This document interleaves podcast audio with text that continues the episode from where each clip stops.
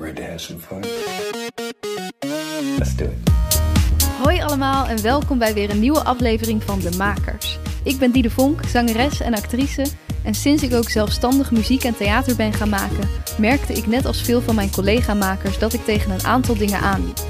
Vragen als hoe krijg je je werk aan de man? Hoe hou ik mezelf productief? En wat doe ik als ik even geen inspiratie heb? Daarom ben ik deze podcast begonnen, waarin ik elke week een inspirerende maker interview en vraag om tips. Ik ging altijd met mijn vriendinnetjes kijken, eh, bij elkaar kijken wat er nou allemaal zit in je vagina. Ik heb wel de beleving dat echt minder naar je gekeken wordt als je boven de 50 bent. Dat vind ik heel jammer.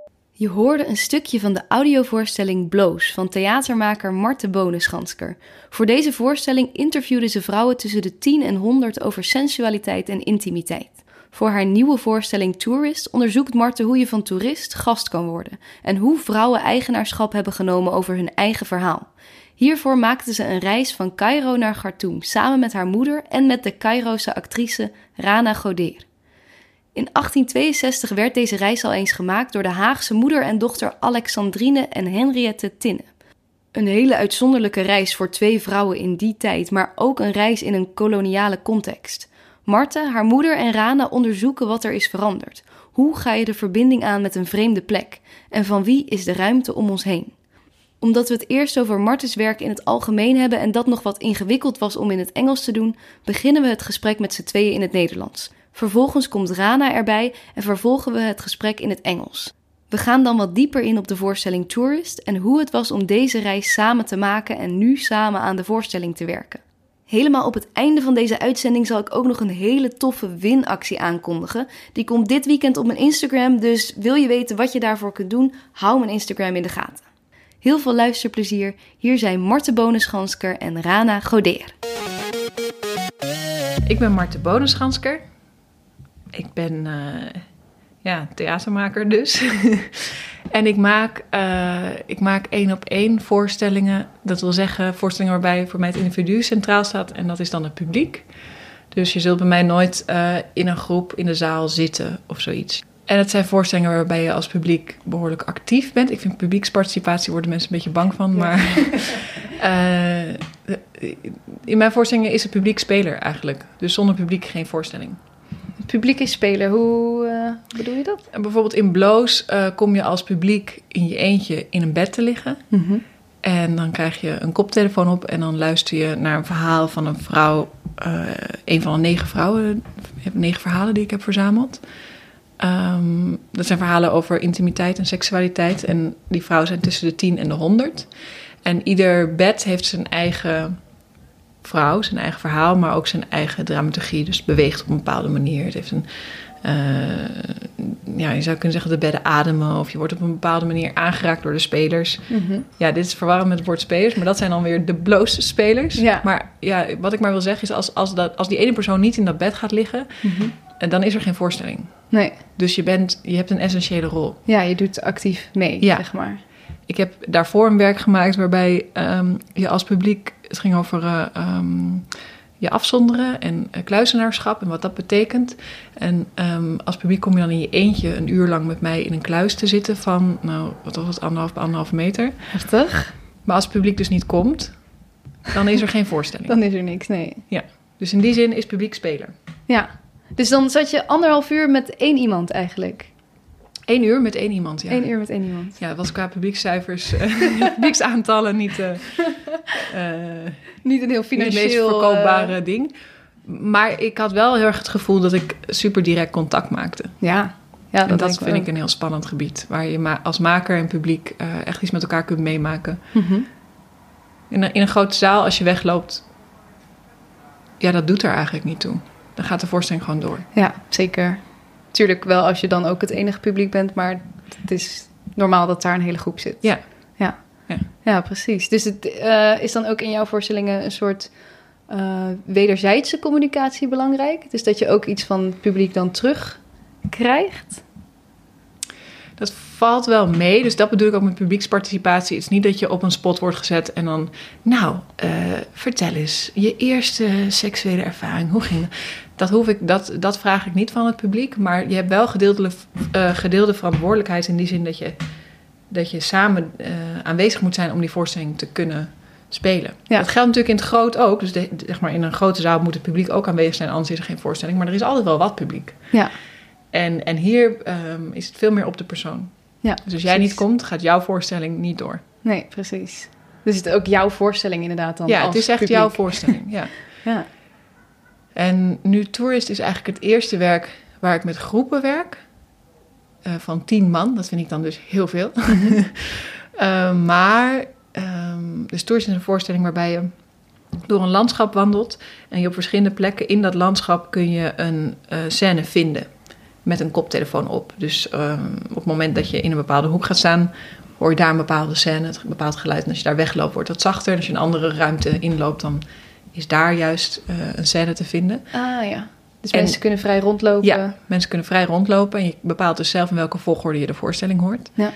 Eh, en dat doe je met z'n tienen, maar iedereen loopt wel zelf Precies. rond. Dus je kiest Ja. zelf, eh, ik wil nu dit horen, ik wil nu dat horen. En dat is misschien een beetje een zoektocht voor mij van hoe, hoe kan die verantwoordelijkheid van het publiek nog groter. Dus ik vind dat bij tours heel spannend dat ik echt zeg van oké, nee, jij mag bepalen wat de Mhm. volgorde van de voorstelling is. Ja. Eh, en dat was bij Bloos bijvoorbeeld nog niet zo. Nee, dan lagen ze in een bed en dan was Ja. het wel een vaste volgorde. Maar dan had je toch ook allemaal verschillende bedden waarin weer een, verschillende, een Ja. verschillend verhaal werd. eh, Dus, dus Bloos bestaat uit negen bedden. mhm. En eh, negen verschillende verhalen van ieder decennium één. Dus tiener, twintiger, dertiger, veertiger, vijftiger, zeventiger, negentiger. En als publiek kom je in één van die bedden te liggen en hoor je één van die verhalen. En die verhalen kloppen bij hoe dat bed eruit ziet. Dus er is, en hoe het bed beweegt gedurende de, eh, de voorstelling. Dus er is één bed dat eh, trilt, er is een bed wat dubbelklapt, er is Oh, een bed grappig. waar je helemaal in wegzakt, er is een bed waar je eh, waar er onder je ineens je rug wordt opgeduwd door een speler. Dus je- dan heb je een soort Oh, ja, heftige kan- beweging. Hoe moet je het in woorden vatten? Marten die maakt nu een hele mooie beweging Ja, eh, het is- voor de luisteraars. Een soort, eh, wat is het ook weer? De- Een, Een body roll. Ja, dat is het. Tegelijk. Ja, dus je, je wordt dan gebodyrolled eigenlijk. Ah, kijk. Heel Ja. gaaf. Ja, dus het zijn wel voorstellingen waar niet superveel mensen tegelijkertijd kunnen komen. Ehm, ja, hoe, hoe, hoe werkt dat bij jou? Hoe ben jij eigenlijk gestart? Want je zit nu bij het Huis Utrecht. Ja. Hele fijne plek volgens mij als eh, maker. Ja. Eh, want geven zij jou daar de ruimte in om eigenlijk te maken wat jij dan wil? ja, totaal. Ik heb echt van hun nog nooit gehoord, wat heel fijn is. eh, ik heb echt nog nooit gehoord. Nou, ik, kijk, dus ik heb ehm, iemand komt van binnen gemaakt en daar speelde ik één uur voor één persoon. Ja. En dan speelde ik voor vijf mensen per dag. Want ik kon niet, ik, op een gegeven Nee, moment was het intens. ook op. Ja. Dus, eh, en daarna hebben we wel met elkaar gezeten en gezegd van, nou ja, er zal wel iets van een schaalvergroting plaats moeten vinden. Op, dat is gewoon professionalisering eigenlijk. Mhm. Dus dat is er wel gebeurd, maar ik ben toen van 5 naar 53 gegaan. Oh, Nou, dat is toch veel? 53 als in... Voor Bloos. Oh ja. Ja, dus bij. Bloos gaan er 53 mensen in.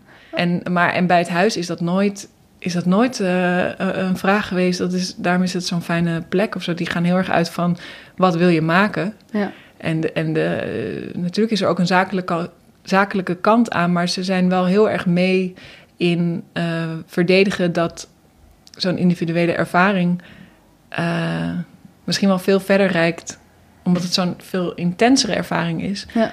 eh, dan iets waar heel veel mensen naartoe komen. En daarbij gezegd hebbende, ja, heel veel vlakke vloervoorstellingen zitten ook niet meer dan 40 man. Nee, nee, dat is ook waar. Dus Ja. 53 is nog sowieso best een goede score.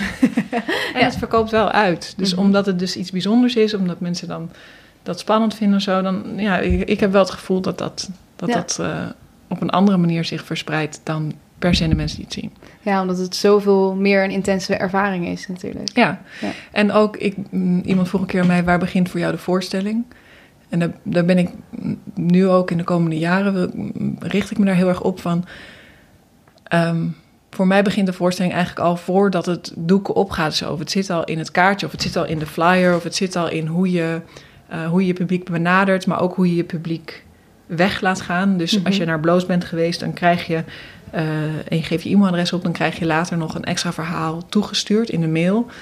Ehm, dus ik hoop dat, het, dat, ja, dat die voorstelling zich zich meer in, in de wereld zijpelt Ja, dan alleen goed. maar eh, doe ik op en eh, doe ik af. Zeg maar. Ja. Oh, heel goed. Want dan, dan doe je eigenlijk... Ik had net een gesprek met eh, Rachel Levy. En wij hadden het daar heel erg over... hoe je nou je creativiteit ook inzet in je ja, PR, marketing en sales. En dat zijn natuurlijk altijd een beetje van die vieze woorden. Maar ehm, door dat soort dingen... door eigenlijk inderdaad van tevoren al bezig te zijn... met hoe breng je het naar buiten... eh, zet je eigenlijk die creativiteit die je ook in je voorstelling inzet... in om ja, er een... nou ja, Ja, en ik denk, ik denk dat je daar dus ook die. Zeg maar, ik vind het heel, eh, heel spannend om met het publiek iets te maken. In die zin, eh, eh, dus zonder publiek geen voorstelling, maar ook zonder publiek geen flyer of zo. Dus dat je. ehm, daar zou ik nog veel verder in willen gaan. Dat je echt op zoek gaat van: oh ja, wie is nou mijn publiek? Hoe kan ik die op een persoonlijke manier benaderen? Hoe kan ik dat individu die individuele benadering ook in mijn PR doen? Hm. Hoe kan ik, hoe kan ik ehm, eh, zoiets als nazorg doen of zo? Of hoe, hou, hoe hou je contact met je publiek? ja, En hoe is het niet alleen maar... Hi jongens, ik speel weer, dus nu moeten jullie allemaal komen... en de rest van het jaar hoor je niks van me. precies zo'n zenden van Ja, nu moeten jullie iets in plaats van Ja. dat je nog iets verder meegeeft. Ja. En op wat voor manieren doe jij dat dan? Nou bijvoorbeeld met Bloos. Bloos hebben we, hebben we heel erg gezocht naar alternatieve speellocaties. Dus Mhm. we hebben het bijvoorbeeld in een, ehm eh, in een seksshop gespeeld. In eh Male en Female, een vrouwvriendelijke seksshop. En ehm, dat is zo'n ander publiek waarmee je meteen een andere relatie hebt. Ja, Ehm, Want was dat dan ook publiek wat daar... Ja, dan- dat is gewoon hun, hun eh, Ah. ofwel hun klantenbestand, of mensen die het via mij zagen. En dan andersom had je dan die kruisbestuiving dat mensen naar die dildo's keken van wow, Ja, precies. wat is dit? Wow. Maar er kwamen dus ook wel mensen die gewoon eigenlijk vooral die seksshop kenden... en dan zo Ja. hoorden van die Ja. voorstelling. En, zo, en zulke soort eh, andere manieren om publiek te bereiken vind ik, vind ik super interessant. En, en, en juist, ja, wat bij Bloos, als je bij Bloos word je door een van die spelers uit bed gehaald. En je hebt gewoon met iedere, ieder, iedereen uit het publiek heb je een één op één gesprek van oh, wat heb je meegemaakt? Eh, Oh ja. Eh, wil, je, wil je een extra verhaal ontvangen of zo? Dus het is heel... Dat directe contact, ja, ik vind dat echt te gek. Om, om, om dat in de voorstelling te hebben, maar ook dus in de nazorg. En Ja. ook in hoe je je publiek benadert. En eh, om dat contact veel echter te maken dan... Hi, kom naar deze voorstelling. ja, Nog een flyer. we spelen dan weer daar. En Ja. ik kom dan, ja. ja. En ook... Ja, dit is misschien... Ik weet niet of dit een te groot statement is... maar ik heb wel het gevoel dat je dan grotere dingen kunt... Ver, dat kunst niet, zeg maar, los moet... Ja, kunst moet niet losstaan van... eh, eh, van, van de maatschappij. Het is nu heel vaak zo van... Oh, het is kunst, dus... Dus je, eh, dat, dat telt eigenlijk niet of zo. Dat is niet de echte wereld. Dan ga je naar een sprookje kijken en dan stap je eruit... en dan is sprookje voorbij. ja. Terwijl het wel in ieders leven een impact kan hebben en je ook je via kunst eh, kunt organiseren of, of nieuwe vormen van politiek bedrijven kunt ontwikkelen. Eh, dat geloof ik heel erg. Dus ik hoop dat het meer een community is dan het consumeren van kunst. ja. Meer, oh, wij, wij, eh, dit zijn gelijkgezinden.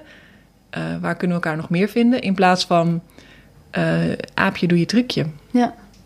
En is dat dan ook een, een, iets wat je zou willen om echt meer een soort community rondom ja, jouw voorstellingen en je publiek Ja, dat hoop ik wel. Dat hoop ik wel. Ik hoop, met meer makers ook. Het is niet dat het mijn community moet zijn of Nou zo. ja. Maar, maar nou ja, er zit iets... ehm, ja, oh ja, dat wilde ik zeggen. Nou, dat bijvoorbeeld ook in Bloos en ook in Tourist... ehm, dus de stemmen die je hoort... Dus ik maak audiovoorstellingen. Dat is misschien ook nog wel een heel leuk, belangrijk onderdeel. Ja, ik maak audiovoorstellingen. Dus ik ga. eh, dus, dus als je ook zegt van wie maakt, met wie maak je de voorstelling? Ik maak dat met mensen in de wereld. Mhm. Dus ik ga eh, voor Bloos ben ik ehm, op zoek gegaan naar vrouwen die met mij open over hun intieme binnenwereld wilden praten. Eh, dus die zijn in feite medemaker aan, aan dit project. En dat is niet een, een, een fictietekst. Nee. Dat is niet eh, een, een schrijver die verzint hoe een vrouw over seksualiteit zou denken. Maar dit zijn echte vrouwen. Ja. En de, de, de fictionalisering zit in de edit. Zit in de muziek, zit in hoe dat bed op het juiste moment je net dat duwtje geeft, die, waardoor je die body roll op dat moment doet, waardoor je dat hopelijk je op een plek van ontroering brengt. Maar de ontroering zit, zit er ook in dat het echte mensen zijn. Ja. En voor tourist ben ik ook echt op reis geweest. En de vrouwen die je hoort zijn echt vrouwen die eh, langs de Nijl wonen, ehm, die in Khartoum wonen, die in Cairo wonen. Eh, ja, ik, ik hoop dat het dus een beetje uit dat, oh, het is kunst en dus eh, heeft het geen impact of zo. Ja, dus heeft het niks met de, de wereld, de Ja. echte wereld te maken of zo. Ja. Is het dan ook dat je bijvoorbeeld met zo'n voorstelling graag... eh, is het dan een doel om die seksualiteit of een intieme binnenwereld meer bespreekbaar te maken? Ja, maar niet. Ik zal nooit zeggen. Ik zal nooit hardop zeggen. Kijk, dus, dus bloos, bij bloos eh, praat je met. hoor, luister je naar vrouwen tussen de 10 en de 100. En ik zal nooit zeggen. In de voorstelling zal ik nooit zeggen. eh, ik vind dat er te weinig over seksualiteit op leeftijd wordt gesproken. Ja, precies. Of ik vind het idioot dat er in de FIFA en in de Harper's Bazaar en vast wel eh, in nog een blad ehm, staat fashionable at every age 20, 30, 40, 50, 60. en daarna ben je dood. Dat, dat, dat, daar word ik wel kwaad van. Ehm, maar mijn werk is best wel soft. Dus in die zin, ik zal, je nooit, ik zal dat nooit in je gezicht duwen. Nee, Maar je hebt gewoon wel aan het eind van de voorstelling 30 minuten geluisterd naar een vrouw van 79 die vertelt hoe ze klaarkomt van het kijken naar bloemen.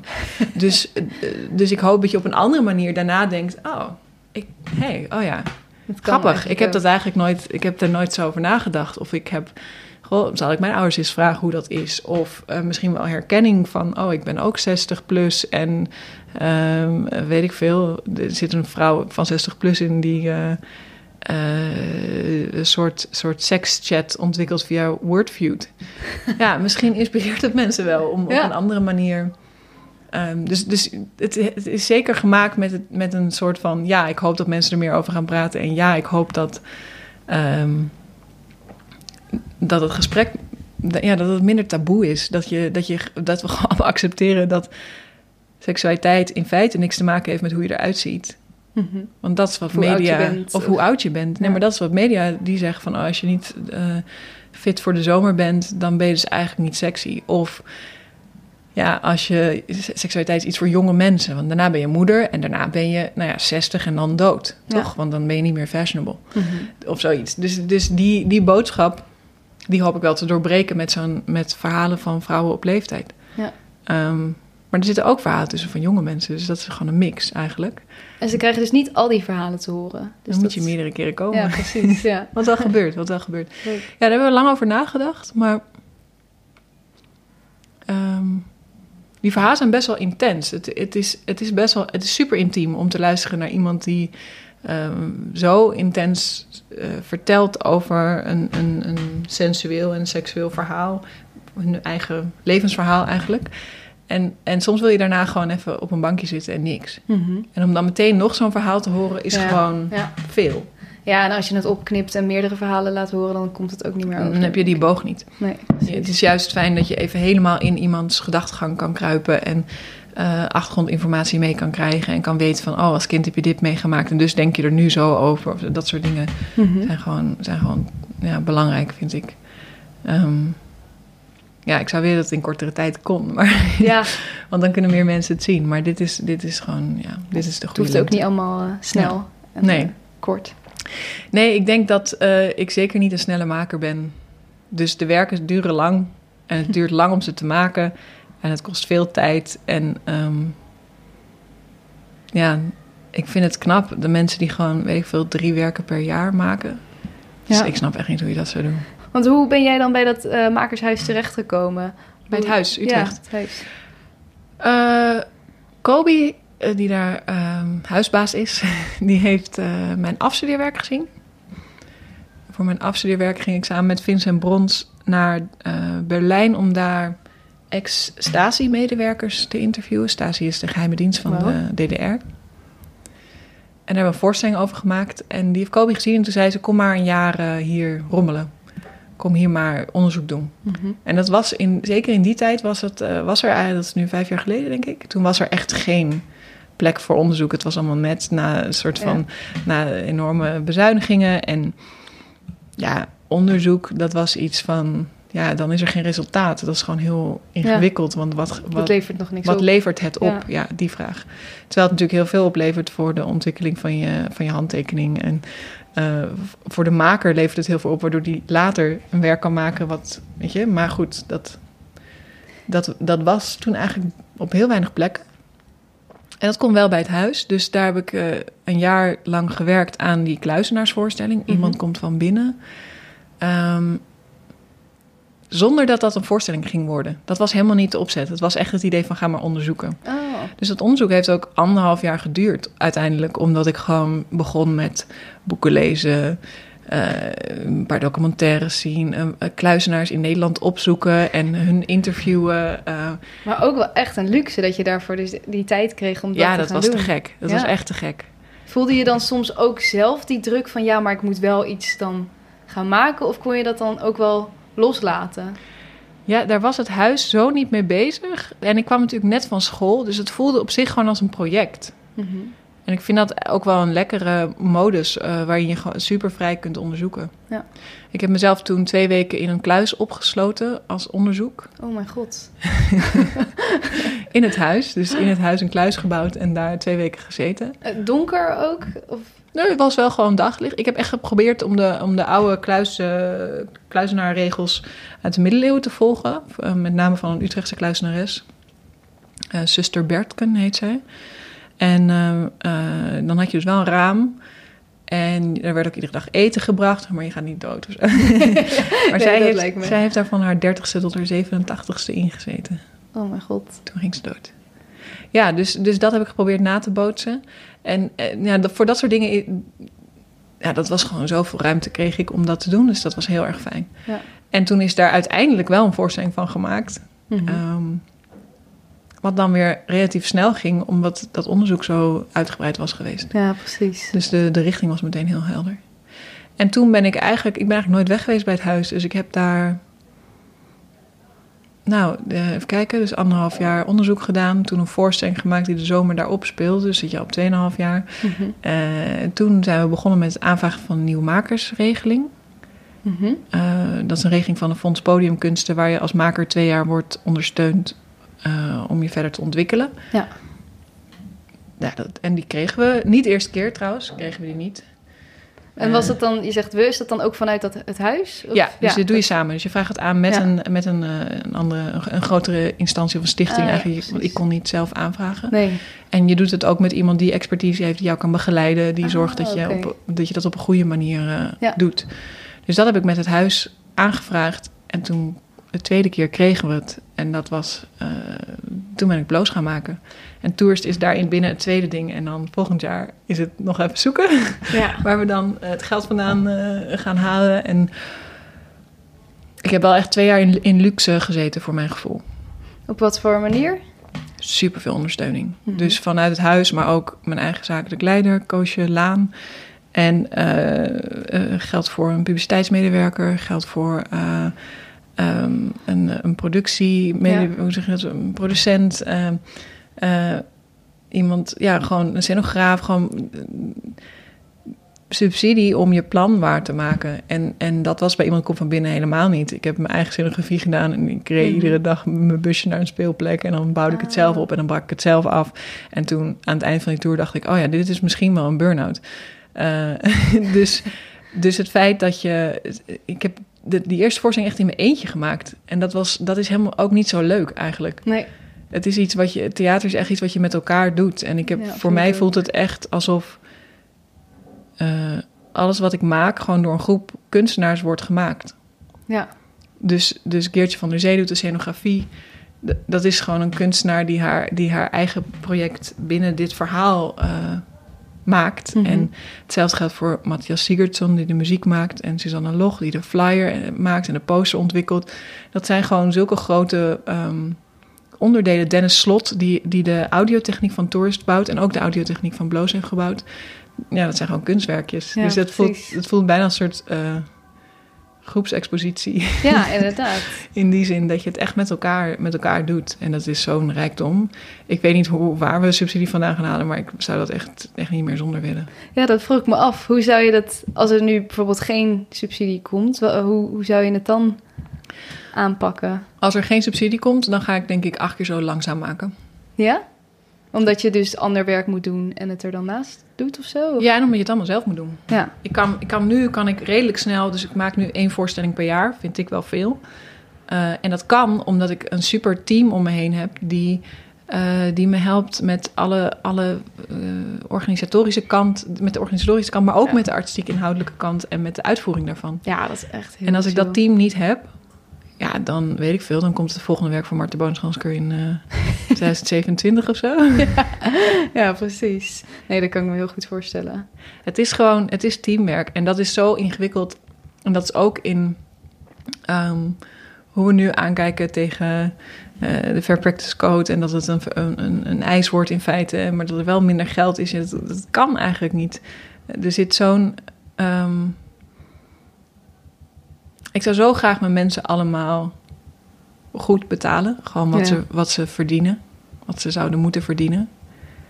Maar als ik dat aanvraag, dan krijg ik de, de subsidie niet, omdat de aanvraag te hoog is.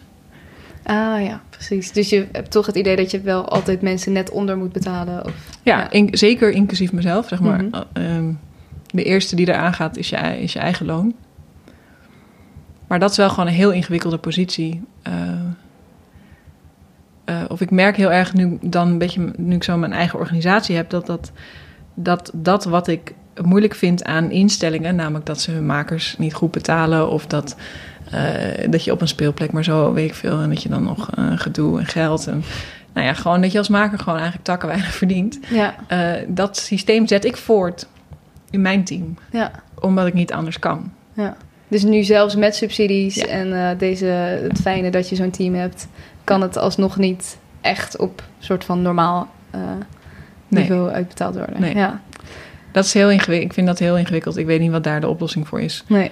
Ehm, dat het dus op alle... mi- Ik bedoel, ik ben maar een heel kleine...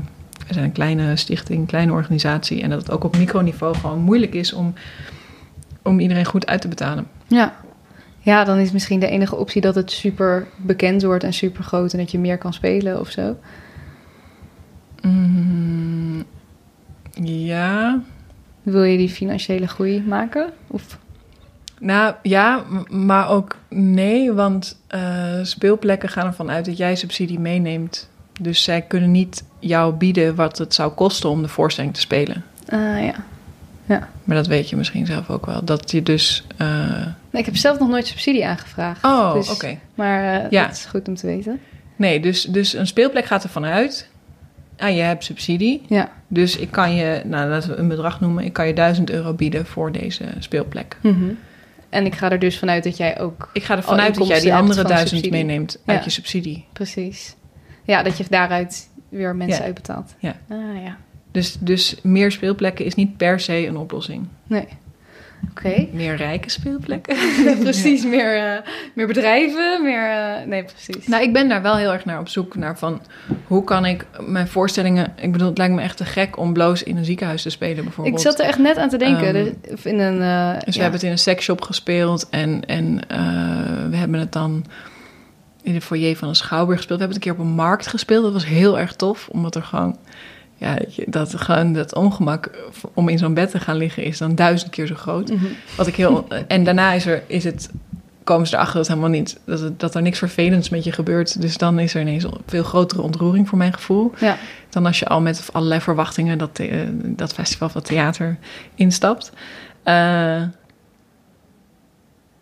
ja, ik, dat vind ik heel... Maar dat is denk ik waar, waar in mijn hele werk... Ik denk, oh ja, het staat al wel een beetje aan... in de richting van... eh, in de richting van, van... minder in het theater en in de festivals... en meer in... Ja, op, dat heet dan alternatieve speellocaties. maar dat is dus eigenlijk gewoon Ja. de echte wereld. ja, precies. Daarmee Ehm, trek je het ook weer meer naar de echte wereld. En dat wil ik heel graag. Ik wil heel graag dat mijn voorstellingen gewoon een ziekenhuistour hebben en een eh gemeentehuistour en een eh, weet ik veel. Nou en dan ook thematisch, dus dat, dat bloos. ehm, ik ben nu in gesprek met een abortuskliniek om het daar te spelen. Ja, dat zou te gek zijn. Dat, dan, dan komt het voor mij zoveel dichterbij en zoveel meer binnen, omdat het thematisch ook past, Ja. eh, dan in een theater. Het is ook leuk om het in een theater of in een festival te spelen, maar het zijn wel voor mijn gevoel altijd dezelfde mensen. Ja, dat is En nu- vaak het probleem, ja. En het zijn mensen die. Ja, het is gewoon. Een, een, de theaterwereld is gewoon best wel een gesloten wereld. En dat ik denk, waarom, waarom gaat iedereen wel naar de film? Waarom is het niet gewoon voor mensen van mijn leeftijd of jongere mensen of oudere mensen, maar in ieder geval voor, voor jongeren om te zeggen: Oh, ik ga, ik ga naar een voorstelling vet. Ja, En zeker het werk wat ik maak zijn, zijn een soort eh, VR-achtige Het dingen is waar je. een soort ervaring, ja. Het zijn ervaringen waar je doorheen wandelt. Ja. En, en ja, ik denk dan dat zouden jonge mensen ook vet moeten vinden. Het zou moeten kunnen. Ja, ik denk dat misschien onze generatie het ook inderdaad niet meer zo heel tof vindt om gewoon in een stoel te zitten en eh, naar theater te kijken. Terwijl ze wel, want dat kunnen ze er thuis dan ook doen of zo. Heel veel mensen denken, Ja, ja, als ik ben het natuurlijk niet van mening, maar dan denken ze, oh ja, ik kan ook Netflix aanzetten, dat kost 10 euro per maand. Dus Ja, maar geld is dus volgens mij nog niet eens echt de drempel. Ja. Want er zijn best wel veel plekken eh, waar je, zeker al onder de 30, echt goedkoop een kaartje Ja, kunt dat is krijgen. waar. Maar, maar het, is, het, is, het is iets in onze houding tegenover theater, onze cultuur daaromheen, onze ideeën over theater, eh, die het voor mijn gevoel best wel in-crowd maken. Of eh, vanaf een zekere leeftijd, omdat je dan het geld hebt en het ook gewoon ja, wel chic is om naar theater te gaan. ja, het is vaak een oudere generatie die Ja. daar zit. Ja. En, En dan denk ik, ja, maar waar zijn dan... Ik weet niet, ik was laatst in Londen en toen zag ik... eh, dus jongens, dit is de nieuwe trend. Allemaal mannen eh, met van die sjaaltjes om hun hoofd... alsof het een, zo'n omaatje was. oh. Echt he- en hele- oudere mannen? Of? Nee, nee, nee. Hele jonge, hippe, super hippe, hippe jonge mensen. Oké. Met, met, met gouden tanden en zo, en sneakers. En dan zo'n oma-sjaaltje. Maar echt zo als een Ja. paasei om je hoofd, zeg Ja. maar. Ja. En toen dacht ik, ja, die wil ik wel in mijn voorstelling. Mhm. Ik wilde die komen kijken. De jonge, hippe mensen. Ja, nou ja, zeg maar, ik denk dan, oh ja, die gaat vast niet vaak naar het theater. Ja, precies. Ja. En dat vind ik dan zonde, dat ik denk, ja, maar ik denk wel dat hij het vet vindt. Ja. Maar ja, da- daarom ben je dus ook bezig met kijken hoe je het op andere manieren bij mensen kan brengen. Ja, en hoe je, er, hoe je gewoon het, het, in, het, in het hele ding, vanaf de allereerste eh, idee van, tot, en met, tot en met de nazorg, zeg maar, Mhm. ehm, eh, je, je verbinding met je publiek kan maken.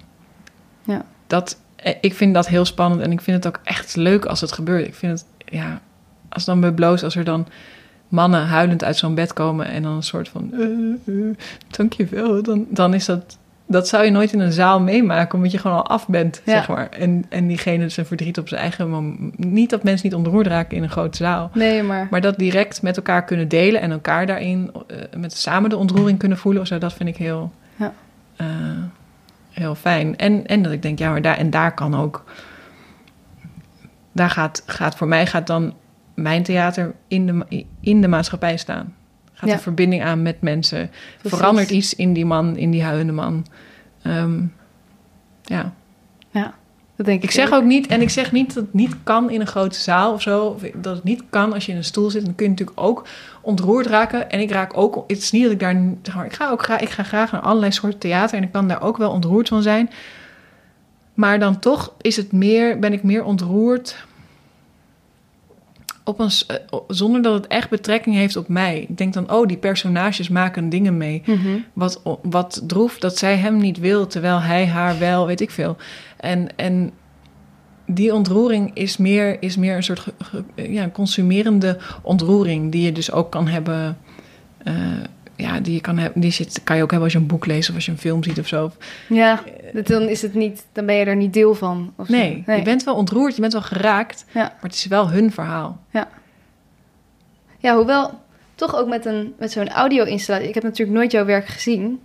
Eh, vraag ik me, dan, dan zie je misschien. Ja, dan vraag ik me af hoe je dan toch die connectie maakt. Maar ik moet het natuurlijk ook gewoon gaan zien. Ehm, Want je loopt dan als individu- individueel persoon ergens doorheen. ja. En ja, hoe. hoe Ja, voor mij zit het heel erg in, de, in, de, eh, in het fysiek maken. ja, Dus het feit dat jij in beweging bent, zorgt dat je anders naar die audio luistert. Mhm. Zorgt dat je die audio op een andere manier binnenkrijgt. Eh, voor, voor mijn gevoel directer, of dat je beter luistert eigenlijk. En de verhalen die je hoort zijn echte verhalen. En dat maakt, dat, zeg maar, als het stelt was een hoorspel waarin het soort van. Ben jij dat, Julia? Ja, Romeo. Dan denk en dan ik. sta je er alsnog weer buiten. Ja, dan denk ik dus niet dat het, het is niet zo van. Oh, omdat je in je eentje wordt benaderd, of omdat je individueel wordt benaderd, is het, eh, is het persoon. Het, heeft, het is wel echt een combinatie met dat het waar gebeurde verhalen zijn. Ja. Ehm, ja, je moet wel. Je, dat is wel een, een. Ik denk als je dat mist, dus als je op de een of andere manier denkt dat het geacteerd is, dan, eh, ja, dan ben je alweer heel ergens anders, Ja. Ja, denk precies. ik. ja. En in hoeverre is het dan misschien is dat niet interessant, maar in hoeverre is het dan een verschil met een soort installatie waar je doorheen loopt? En... Dat zeggen veel mensen, installatie. Ah, die van die installaties. Ja, want ik kan me dat wel voorstellen. Zo... Oh, wat tof dat er ook een installatie is genomen. Ja, ja, ja Want je noemt jezelf wel echt een theatermaker. Ja, ik vind het wel echt theater. Ja, nee, maar ik vind installaties... Bij installaties denk ik aan dingen waar je in en uit kunt lopen. Ja. Wanneer jij daar zin in hebt. Mhm. En deze dingen hebben een begin en een eind. Ah ja. Er is een, er is een verloop, er is een dramaturgie. Er zijn spelers. ehm, Ja, want er zijn dus wel ook in deze nieuwe weer eh, ja, fysieke spelers aanwezig. Ja. ja. En, en het is niet. Dus daar wordt het voor mij geen installatie. Installatie klinkt zo van: oh ja, oh, dat is op de zesde verdieping. En dan kan je dan, eh, kan je dan een kwartier eh, naar dingen kijken en dan kan, eh, iets meemaken. Ja, want daar heb ik voelen. juist vaak veel afstand. Super afstandelijk. Ja. Omdat ik je inderdaad er ook. ook weer uit kan lopen en dan is het... Het maakt niet uit. De Mhm. installatie loopt gewoon door als jij eruit gaat of er weer ingaat of zo. Dus dat, en, en, en ik heb zelf hmm, kleine. Ja, ik denk gewoon heel vaak als ik op een festival ben bijvoorbeeld. En dan heb je zo'n programmaboekje en denk je, oh ja, deze voorstellingen moet ik allemaal zien. Oh, en dan zijn er ook nog installaties. oh ja. Ja, Eh, dan moet ik even kijken of ik er tijd voor heb. ja. Die, die raken, die zitten een beetje in het verdomhoekje. En, en dat, dat, daar wil ik helemaal niet in zitten. en ook, eh, het begint, je hebt gewoon een kaartje voor een bepaalde begintijd. En het eindigt op een bepaald moment. Dus je moet gewoon wel aanwezig zijn. Anders dan Ja. ja. Een theatrale installatie. Ik weet het niet. Nee. Ik vind installatie, ja, ik noem het gewoon voorstelling. Ja. Of ik noem het audiovoorstelling. Ja, precies. Ja. Maar ja, er zijn dus wel ook spelers aanwezig, dus het is gewoon een soort totaal eh, Ja. ding. Ik vind ervaringstheater vind ik ook een vies woord. Ja, Daarvan denk ik ook, oh, dan moet je zeker, ik weet niet, dan, dan moet je iets ondergaan of zo. Ik weet Ja. niet, daar word ik ook een beetje kriebel van. Maar ik ben nog zoekende naar wat, het dan, eh, wat dan het goede woord is. Ik denk, audiovoorstellingen is voor mij tot nu toe Ja. best prima. zonde dat er aan één zo'n woord al veel soort van eh gedachten vastzitten, waardoor mensen het misschien wel of niet gaan zien. Terwijl Ja. het totaal Ja. niks te maken heeft met de inhoud van je voorstelling. Ja, Ja, ja. vind ik best bijzonder. ja, maar het is ook wel lekker toch? Dat je, de, ja, het, het- dus het ontwikkelen van, een- van een eh, idioom wat past bij jou als Ja. maker is wel, is wel een. eh, eh, is ook leuk om mee bezig te zijn. Van, oh ja, welke woorden horen nou bij mijn soort theater? Dus ik ben, maar ik ben daar nog zoeken in. Ik weet het niet. En er moet ook iets in over. Er moet wel iets in over, over een soort van. ehm, zintuigelijkheid. Dat zo'n Ja. soort woord hoort er wel in. Ja, precies. Misschien is het audio, audio gestuurde zintuigelijke voorstelling. audio, Ik weet niet of ik daarvan nou echt zou denken. audio gestuurde zintuigelijke maker ben ik. Mooi. Ja, maar ik wil het heel graag even met je hebben over je nieuwe voorstelling, The Yes. Tourist. En daar eh, vragen we Rana dan zo ook eventjes bij. Eh, maar misschien kun je eerst nog Ja. even kort vertellen, hoe ben je op dit onderwerp gekomen? Want het is bijvoorbeeld bloos, snap ik, dat, eh, dat gaat over vrouwen, seksualiteit. Eh, dat staat misschien dicht bij je. Maar eh Tourist is weer iets heel anders. Ja, ehm Of misschien Tourist moet je even gaat. vertellen. ja, Ja, Tourist eh, is een audio gestuurde zintuigelijke voorstelling. die gaat over twee vrouwen die in 1862 van Cairo naar Khartoum zijn gereisd. En dat waren twee Nederlandse vrouwen uit Den Haag. En ik ben vorig jaar met eh, actrice en theatermaker Rana Godeer ehm, en mijn moeder van dezelfde reis gaan maken van Cairo naar Khartoum. En voor mij gaat die voorstelling heel erg over de bewegingsvrijheid van vrouwen. En toen ik dat ik las in een krant over deze twee vrouwen, Alexandrine en, Han, Alexandrine en Henriette Tinne, die in 1862 die reis maakten. En ik heb wel altijd een fascinatie gehad voor stoere vrouwen in de geschiedenis. Ehm, dus die eerste voorstelling over, over die kluisenares, dan denk ik, wow, dat is gewoon een vrouw. Dat, voor mij voegt dat, eh, ik weet niet, geeft me gewoon een soort extra laag. ehm, omdat er ook in de geschiedenis zo weinig voorbeelden van zijn, omdat die niet opgeschreven zijn vaak. Ja. Waarom gingen zij die reis maken eigenlijk? Omdat ze rijk waren. Maar Rijk- waarom daar Rijk en verwend. Ja, ja. Rijk en verwend. Ze, ze hadden reislust, reisdrift. En er was, de, ja, de Egypte was toen razend populair. De, de piramides waren net herontdekt. En het was een, Mm. eh, een tijd van ontdekkingsreizen. Dus zij wilden dat ook. Zij Ja. wilden ook op ontdekkingsreis. Zij wilden wat ze noemden de, de witte plekken op de kaart ontdekken. En dat is dan wit vanuit ons perspectief gezien. Want, Maar, maar hoezo wit? Als ja, onontdekt, dus in- nog niet ingevuld. nog Dus- niet door ons ingevuld. Ja, precies. Ja. En ehm, ja, dat verhaal, ik, heel ambiguë gevoelens had ik erover. Omdat ik aan de ene kant dacht van, wow, wat vet. Wat deze vrouw gewoon in een tijd dat je nog in een... Ik bedoel, dit is 60 jaar voordat vrouwen mochten kiezen. eh, of eh, kiesrecht hadden. Dus, dus dit is eh, een tijd waarin vrouwen in een, in een corset, in een Victoriaans kostuum... eh, zeker in, in hogere kringen, dus gewoon ja, thuis zaten. eh, een beetje uit het raam kijken en borduren en eh wateraquarellen maken. Ik weet niet wat ze deden. Maar reizen als vrouw en zo'n soort reis ondernemen en een expeditie leiden... dat was echt niet iets wat vrouwen deden. En dus ze waren super ehm, eh, heldhaftig daarin. Ze, waren heel, ze hadden gewoon scheid. En de vader van het gezin overleed, kreeg ze een dikke erfenis... en toen zijn ze gewoon vertrokken. Maar het is wel gekochte vrijheid Ja, omdat ze dus dat geld hadden. omdat ze zo gruwelijk rijk waren. Ja. En ze reisden ook door een koloniaal gebied. Dus ze werden Mm. overal eh, op de thee gevraagd door de, de, de kolonisten. De vraag is, wat zie je dan echt van het land? Ja, niets. Die reisden in een bubbel, Ja. denk ik. Ehm, dus, en dat vond ik gewoon wel een interessant dilemma of zo. Dat je in mezelf ook, dat je, denkt, dat je aan de ene kant denkt van, oh, vet. Dat je aan de andere kant denkt, en dat, daarin zijn we denk ik wel gegroeid als maatschappij, dat, dat ik toch op een, an, dat ik op een, ja, dat ik toch een beetje ambiguë gevoelens heb over die reis. Ja. Het is, als je naar de geschiedenisboeken kijkt vanuit de jaren 50, 60, dan worden ze echt als helden afgeschilderd. Oh, Zo van die dappere. wie durfde dat? Ja, ja.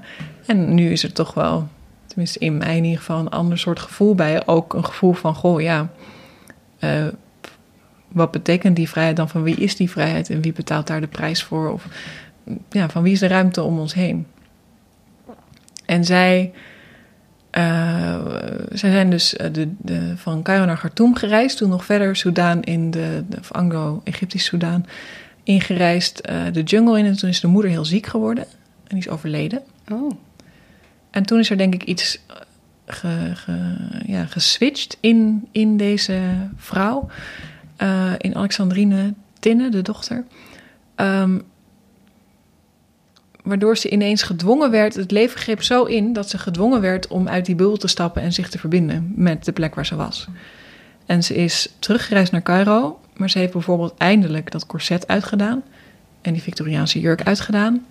Ze is Arabisch gaan leren. Eh, ze is ook niet meer teruggekeerd naar Nederland. Eh, ze heeft een huis opgericht voor ex tot slaaf gemaakt om terug te keren in de maatschappij. En een huis voor ezeltjes. Eh, zielige ezels. dat- soort ja, dierenredder-achtige plek. Dus er is in haar eh, van, ja, van toerist en van consument is ze eigenlijk reiziger of misschien wel gast geworden. ja. En dat vind, ik, dat vind ik een heel spannend verhaal van hoe is dat dan gebeurd en wat is er in haar gebeurd dat dat, dat, dat zo omsloeg. En toen ben ik met Rana en mijn moeder die reis gaan maken. Mhm. Ehm, en hebben we onderweg vrouwen geïnterviewd over hun bewegingsvrijheid. En ook met Rana daar veel gesprekken over gehad. Eh Rana is een Egyptische vrouw, een, een vrouw. Eh, hoe beweegt zij zich? Wat is haar bewegingsvrijheid ten opzichte van de mijne, ten opzichte van de vrouwen om haar heen? Ehm, ja, dat, dat, ja, voor mij voelt het dus bijna net zo universeel. Ja, of het is misschien een meer toegespitst op één, eh, op één verhaal dan Mhm. bloos. Maar het is wel een, een ja, best wel universeel thema, denk ik. Ja. Zeker, denk ik ook. Zullen we Rana er even bij vragen?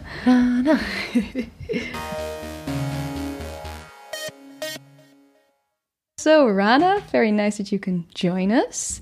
Um, how did you guys meet? Because you're from Egypt, and uh, yeah, how, how did that happen? Well, um, I was going Once upon a home. time. Once, bar. once upon a time, I was going home to bed, and then a friend of mine sent me a text message saying, "Why don't you come to the Greek club? I'm going to." Uh, Introduce you. I'd like to introduce you to some people. I said, ah, I just arrived. I'm sleeping in bed. And then they said, well, you should come. I, I just think you should come. And so I, I g- got dressed, went downstairs, uh, took my bicycle, and went to the Greek club to find Marta. then you didn't know each other before, but you just met there. Yeah, we met there. It was just a casual beer. hmm To me, this is very uh, Cairo style of meeting. Is that um, it's very normal to bring people to whatever appointment you have. So like if if the two of us would meet and I would randomly bring three friends, that would be kind of strange to us because you would think, oh no, I have wait, weren't we supposed to have an appointment together? But in Cairo, it's like one big uh, zwaankleef aan, which is really nice because you Yeah. meet a lot of people uh, in in in various like in different in different groups and they come and they go and like some of them leave to another party and it's like a it feels very organic and so in that organic movement i met rana I have to say though that in some moments we do check in with each other uh, as friends if we're okay and if we'd be okay to have someone. Right. But it's only when we feel like maybe you're, we're going through depression or you're going through a stressful time, so maybe you want to have quality time. so Yeah, then you, right. you ask for permission. if You You don't always okay with- bring. yeah, not always. Yeah. so, And were you in Egypt uh, for your uh, performance already? i was in egypt for tourist Mhm. and i i really wanted um, uh, to have a travel companion a woman an egyptian woman Mhm. that would travel with me to have some kind of different perspective on this journey. Because Yeah. if I would just go with my mother, it would be a redo of 1862, and uh, it, it was 2018. So I felt that was important. Yeah. And so I got introduced to some artist uh, circles of people, the Zwanklevan artist circles of people. and I met with a couple of people, and then with you, I think it wasn't even, it wasn't like, oh, she, it, it, we, it was just a nice evening. It wasn't like, this is your candidate for, it wasn't like that. It was just more, way more friendship kind of it's start. more organic. Yeah. yeah. Yeah. And then we just hang out for I think eight days or something. We just met up a lot, and at the end of the eight days, it was kind of like a marriage proposal. it was. It was. I was like, Rana, would you like to go on this journey with me? But did you tell her at all about you that you were looking for someone? Yeah, and I, I, and I was I was in the process of I was I, you know I called up a friend and I, I I said maybe she could be a candidate, but the problem was that her she didn't have uh, a strong command of uh, of English. Ah, yeah. So I mean, she was a performing artist, but she and she her her style and her vocabulary in performance art was just uh, more on the dance side. She did theater, but she she has a specific. Uh, uh, thing so i tried i introduced you know i did, I did my part i did my part and then uh, i felt like at times we would talk about if uh, Yeah. it was a if i would Yeah. find well the person ideally would and i'm sit- you know I'm sitting there i'm like hmm. But then I, I was. I think we were both thinking, like I was thinking, like, oh, maybe Rana doesn't doesn't want to because, y- you know, you never, you never. I just explained what I needed, and you never said like, oh, that could be me. You just went like, oh, I know someone that could. So I was like, oh, maybe Rana's not interested, and then you thought, oh. She's not interested in me because she's not specifically asking me. Yeah. So we kind of had this misunderstanding where we both thought, oh, the other person doesn't want it mm-hmm. to be me. I was also giving room for you to have options, Yeah, like not to take it personally. Like you don't have to worry if it's not me. I won't take it Yeah, yeah, personally. yeah, it was yeah, kind yeah. of yeah. Oh yeah. yeah. It was it was romantic the last day. like, come on this trip? Yeah, that's amazing that you find the right person. Yeah, yeah. yeah, yeah. And uh, what kind of uh, work do you usually do? Well, I'm a performing artist. I've been pursuing uh, camera acting for uh, two years now. So um, I'm mainly involved in, in well in acting, whether it's theater or uh, camera, Oh yeah, film. film. And uh, do do you make your own performances as well, or mainly the camera? I am. I well, I do have two performances that I'm working on, and they're mm, they're endurance uh, endurance performances. They're one of them is inspired by walking, and another one is inspired by a friend of mine who was going into depression. She was uh, uh, suicidal, so I asked her to uh, come to my house and uh, shave my hair.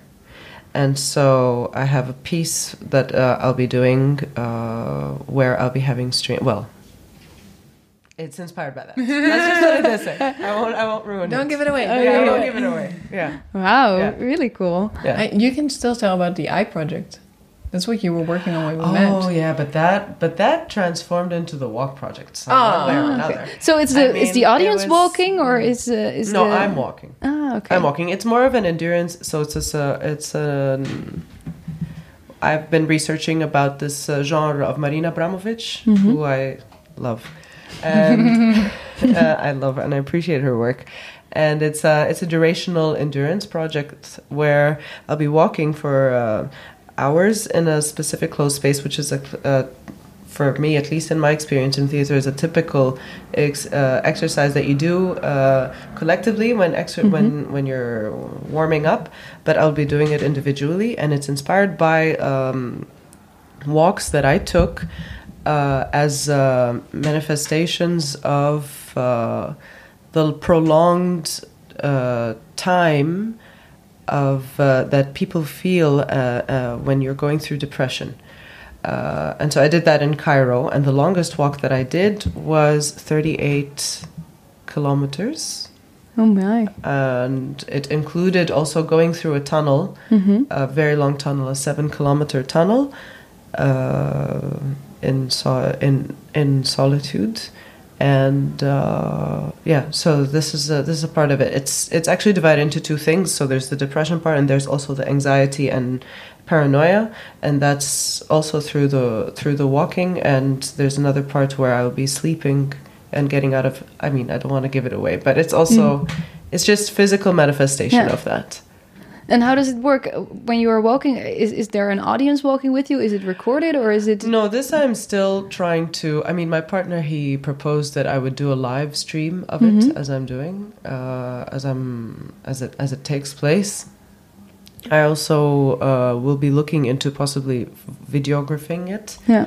Um, so it's still in the making, and it's cooking in in parallel. Uh, But I think what you did is uh, uh, is you uh, invited your audience to talk with you about depression, like in the in the pre-phase of before you walked. Like you invite people on social media to to talk with you about their depression, about their feelings around this subject, and you sort of take that with you. I think.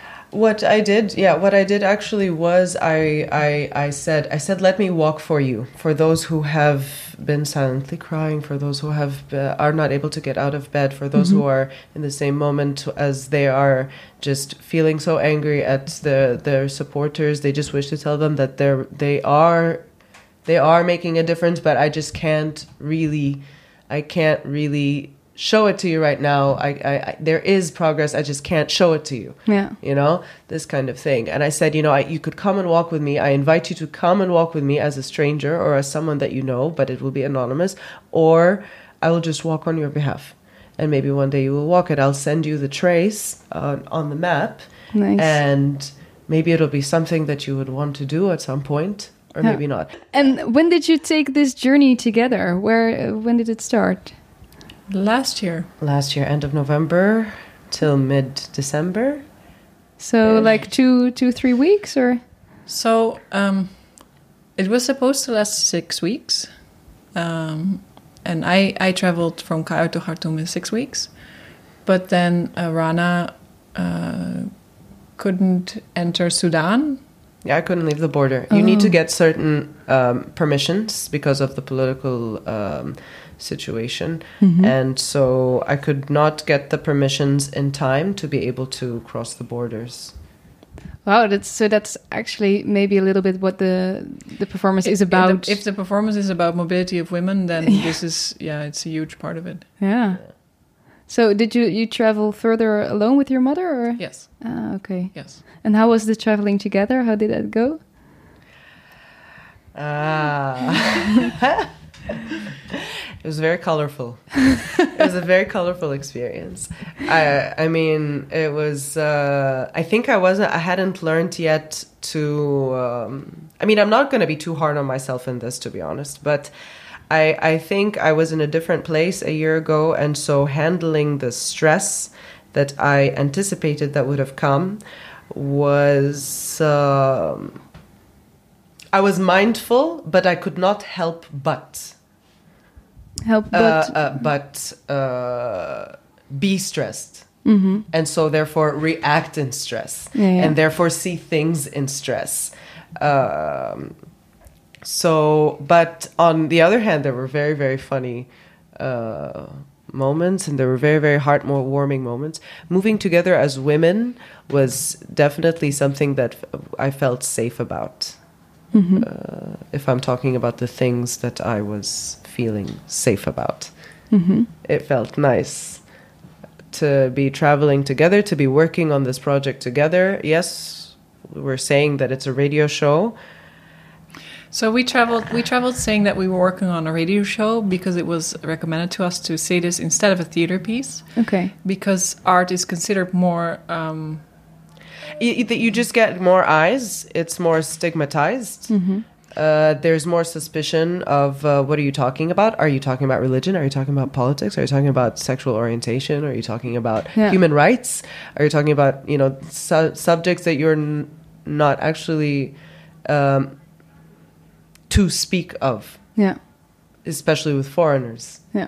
So it just it was just uh, better to have a f- a fluffy uh, look. Ja. Call it a and you know i mean. I, and i mean in my head i was thinking yeah i mean we're doing an interview about mothers and daughters uh, uh, and their relationships so there's nothing that uh, can be there's nothing in your face political about it but everything is political but we can we can pretend we don't believe Yeah. in that you know and it, it it it can be nice and heartwarming and it can be it can be you know I think this was a, a search for um, for both of us, um, for anyone, like for my mother as well, like who, how to. Uh, um, what the balance was between okay what is it we want to say or who is it we want to speak to and what about what and what is uh, safe to speak about and uh, doesn't put specifically doesn't put Rana in danger because I I fly back. Like there's no yeah. you know? So to create a situation where everyone felt good was a constant a constant stream that we had to check in on every day. Mhm. um, uh, like things like um, my mother could could ask uh, Marta do you have your audio equipment? And I would be like let's just not mention the audio equipment Because it scares people off or... uh, yes It It's- raises suspicions. It brings about eyes that you don't necessarily intend to have in your research project, in Yeah. your performance. So, and we already had them anyway. So they were already looking at us Yeah. anyway. Um, so, um, so yeah, and I feel like I don't want to sidetrack, but I feel like this in in its own way it did affect the way that the women that we interviewed were responding to us. This was not an art project. This was a radio show. This was a let's testify and talk about motherhood and daughterhood. And so let's talk about the beautiful and nice and and pretty things. And so uh, at the same time, there were still uh, women that I applaud, especially the young daughters, who took the mic metaphorically and literally and said what they had to say to their mother Yeah. in a safe space because of how strange we are. Uh, that we don't look we don't look similar. And i stressed them so many times so many times in the audio recordings that i am an egyptian. I am not the egyptian. I am not the egyptian woman. I do not represent whatsoever whatsoever even in my social circles even in the you know the artists that hang around in downtown even the the the, the people that are you know that have uh, been involved in very important uh, things. Uh, And why is that important? Over the past eight years. Why do you have to make that uh, distinction that you don't speak for all? I don't know if it's a thing because I'm an anthropologist, so so I I, I uh, I'm very much uh, attached to the fact that I that I only am a representation, and also I'm aware of my um privileges. Um, a year back, I, I it had uh, I had by then made peace to a certain uh, extent with the privileges that I have. I'm I'm a woman that lives in a rich part of Cairo. I'm a woman that comes from a bilingual uh, uh, family. Uh, I, I I I was educated uh, in in foreign language. Foreign language is English is my first language, uh, not Arabic. Uh, and uh, You went to un- university. Yeah, I mean, I went to university. yeah. I, I went to Yeah, yeah. university. I've traveled around. Uh, I, I, I'm, I only represent myself. I don't represent women, uh, the women of Egypt. I no, definitely not. I can identify with pain and trauma, but I can't say that I am the representation No. of. Uh, you know, I'm not Miss Egypt. You know, I'm Of not, course. No, no, of course Miss not. Egypt. No, yeah. no. Uh, and you, you you said that uh, traveling together felt safe. Were there parts of this this trip or this journey that made you feel unsafe? I think it was just more of stress. Uh, the, the- I, I was I did have moments where I was uh, concerned. I mean, I think you did feel um, did I express fear? responsible. Yeah, I mean, You felt responsible for for the group, and so yeah, and so. Um, for instance, also because we didn't speak Arabic, i i whenever there was uh, someone asking questions, you would have to handle that. So th- those were moments where you sort of uh, were pushed in a role of the responsible, you know, like the, the leader of the pack, Yeah. and and that I think gave you stress. Yeah. I had to. I think also when I look back, I think it's because I had to put on a show. I had to put on a show with that green coat. You know, I had to. Yeah. I had to be the the woman that's that's happy to see them when they come and ask questions. Yeah. You know, and I ha- and I and I and I'm so glad that they're here because they're protecting us, which is uh, you know, a show, and uh, and uh, and at the same time. And so yeah, so them asking question would be a police checkup, for Yeah. instance. Um, but you know, that's I think in general. So that's something. If you ask how was the journey, it was a big part of the the journey that you know that we felt maybe sometimes restricted in our movements or uh, that there was uh, some sort of control about how we moved around. Uh, uh, but other than that, it has been. Um, at least to me, there there was a lot of uh, connection.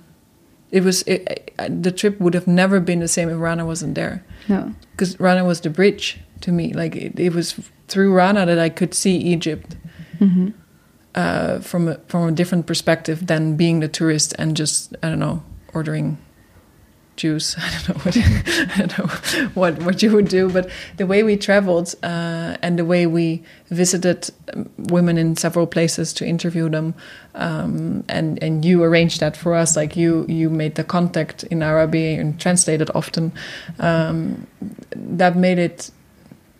Like I felt very honored to be able to to see Egypt through your eyes and to have, and to the eyes of the woman that we met.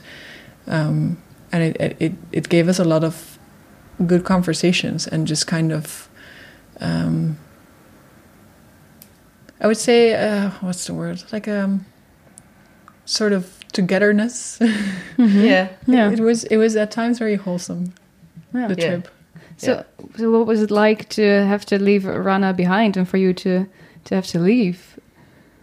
we just dealt with it we just said halas this is it okay we're not going to spend our energy on that on on feeling shit about that Yeah. and and we uh, you invited your grandmother to come to Aswan Yeah. And she agreed. and so and so you had a very lovely time with your grandmother after so it's, it was kind of we sort of made sure that Rana Yeah, had you know was okay. had a had a nice thing in in in the future to do as well or Ja. dat in het vooruit dat ze ook iets leuks in vooruit gehad Yeah. and then we and then my mother and I traveled further hmm And how? But how did you communicate with the people uh, in Sudan or with the women? So in Sudan, we had uh, another guide pick, helping us talk to uh, several women in Sudan, and also in Khartoum, we spoke to quite some English-speaking. Uh, Khartoum and Dongola. Dongola is a student city, uh, so we spoke to quite some English-speaking Sudanese women. Um, so yeah, that's how we did that, and and we traveled with a, a female guide, which was super nice. Yeah. Um, also to see Sudan through her eyes. hmm And now you're here in the Netherlands, and is it? Uh, is it the f- yeah? It's the first time for you, but are you? Is it now coming together the travel and the, the yeah the the performing? So is it the first time you're really Yes. working together? Yes, it's the uh, first time we're the- working. Yeah. Yeah, we did the research together, but now we're Yeah. actually working together.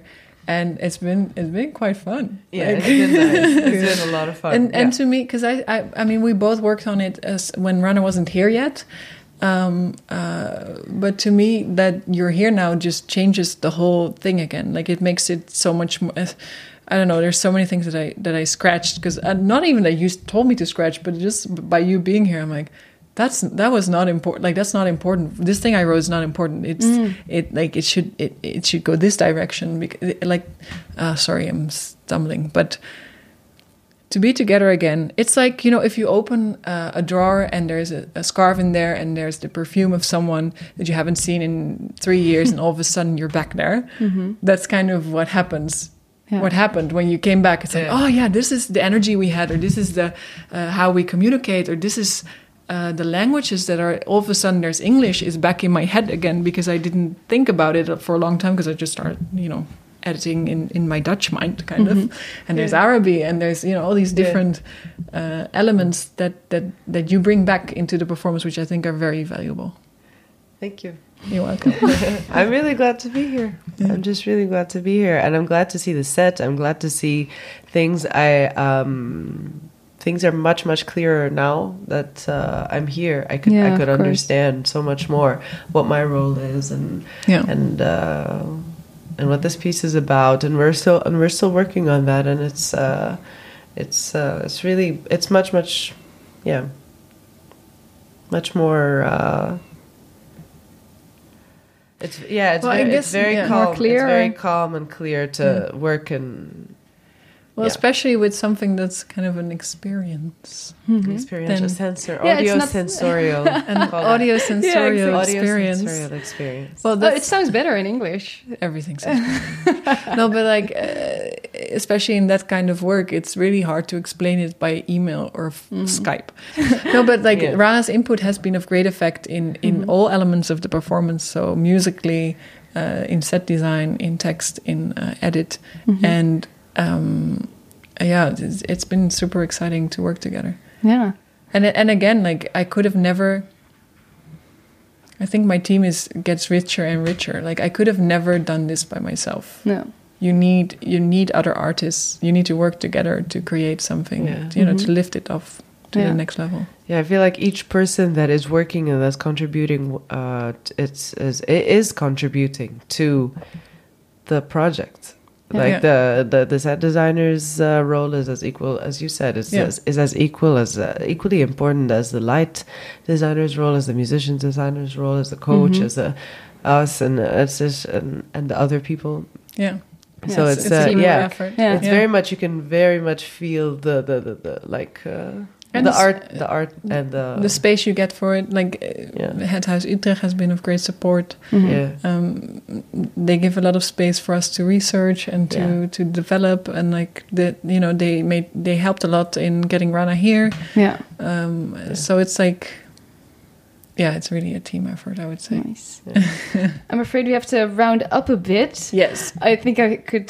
T- I have so much more to ask about the, the journey and how. Uh, yeah. What what did? Yeah. But I'll. I have to close it up. Uh, so, is there something? Yeah. What is the most valuable thing you guys have learned from this journey and this project?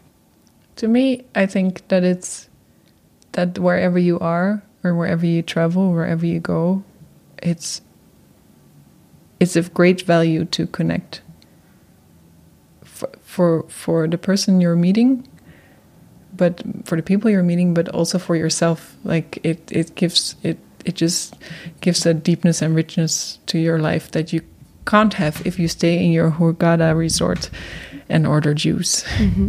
Yeah. That's nice. And for you? Well, one of the things that I've learned is uh,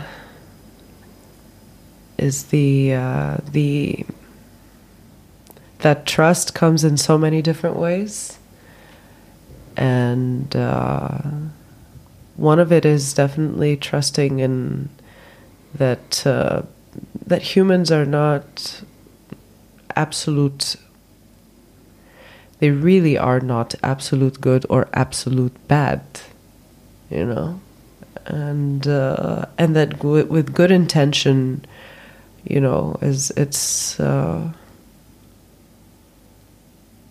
it was I learned something very human. It's I I'm trying to find the words for it, but it's uh, it's really it's really just there was something about the dynamics that we were having. We did have uh, tense moments, and and there was something about the way that we were resolving those those moments that were just that were important. It was important in uh, in, in in being on the same page and, and, and still trusting in in connection and trusting in intention and being and constantly just working on on oneself. So I hope that made sense somehow. Definitely. Were you surprised by that? I was thankful for that. I mean, I was surprised, hence very, very appreciative, very, very thankful, you know? Uh, and it helped in moving things forward. Okay. Thank you guys so much. Thank you. Thank you. Dat was hem weer. Leuk dat je nog steeds luistert. Ik had nog veel langer door kunnen praten met deze twee. Ik vond het echt ontzettend interessant hoe anders het leven voor een theatermaker is in Nederland dan in Egypte. Rekening houden met welke onderwerpen je kunt behandelen, het feit dat er altijd bepaalde ogen op je gericht zijn, echt een andere wereld. Ook vond ik het heel tof wat Marten zei over dat de voorstelling al begint voordat hij echt speelt. Het is niet iets wat losstaat van de maatschappij, maar juist iets waarin ze heel erg de verbinding opzoekt met mensen ook voor en na de voorstelling. Zo wordt het meer een gesprek in plaats van dat het alleen relevant is op het moment dat het aan het spelen is. Een hele interessante ingang voor een medium als theater, wat anders zo vluchtig kan zijn en na het spelen ook weer verdwenen is. Ook in je communicatie is het inderdaad zonde als je alleen maar naar de buitenwereld communiceert als ze weer kunnen komen kijken. Ga eens na voor jezelf hoe je misschien met jouw werk vaker een dialoog met mensen op kunt zoeken. Of kunt kijken naar hoe je werk misschien een langere impact heeft. Zoals Marten het zegt, kunst hoeft niet los te staan van de maatschappij. Het hoeft niet een soort sprookje te zijn dat na afloop weer voorbij is. Heel interessant vind ik. Ook heel tof hoe ze zich probeert onder te dompelen in ervaringen voor haar voorstellingen. Zichzelf twee weken opsluiten in een kluis en nu ook weer echt op reis gaan en ervaren in plaats van vanuit een veilige repetitieruimte te werken. Heel inspirerend en ook heel tof hoe ze elkaar hebben gevonden en vanuit daar samen deze reis aangegaan zijn. De voorstelling Tourist gaat op 23 oktober in première en speelt daarna onder andere nog in het Nationale Theater in Den Haag en Theater Bellevue in Amsterdam. Ik ben super benieuwd en ga zeker kijken en vooral luisteren. Heel erg veel dank aan Marten en Rana en ik wens ze heel veel succes met hun voorstelling. Voordat ik afsluit nog even dit. Dit weekend gooi ik op mijn Instagram een winactie de lucht in voor twee tickets voor het event The Construction Club van Voor de Kunst. Een heel tof evenement waar je alles leert over zelfstandig ondernemen als maker. Er komen verschillende sprekers langs die je van alles leren over persoonlijk ondernemen, je doelgroep vinden, subsidie aanvragen, crowdfunding en nog veel meer. Ik mag dus twee kaarten weggeven, dus hou mijn Instagram in de gaten. Vond je dit een leuk gesprek? Abonneer je dan op de podcast en volg de Makers Podcast op Facebook en Instagram. Delen en reviewen is heel erg fijn en laat het me vooral weten als je nog gasten of vragen hebt die je graag wilt horen. Volgende week staat er weer een hele bijzondere, inspirerende gast voor je klaar. Deze podcast werd gemaakt door mij, Diede Vonk, en de muziek is van David Zwarts. Tot volgende week bij De Makers.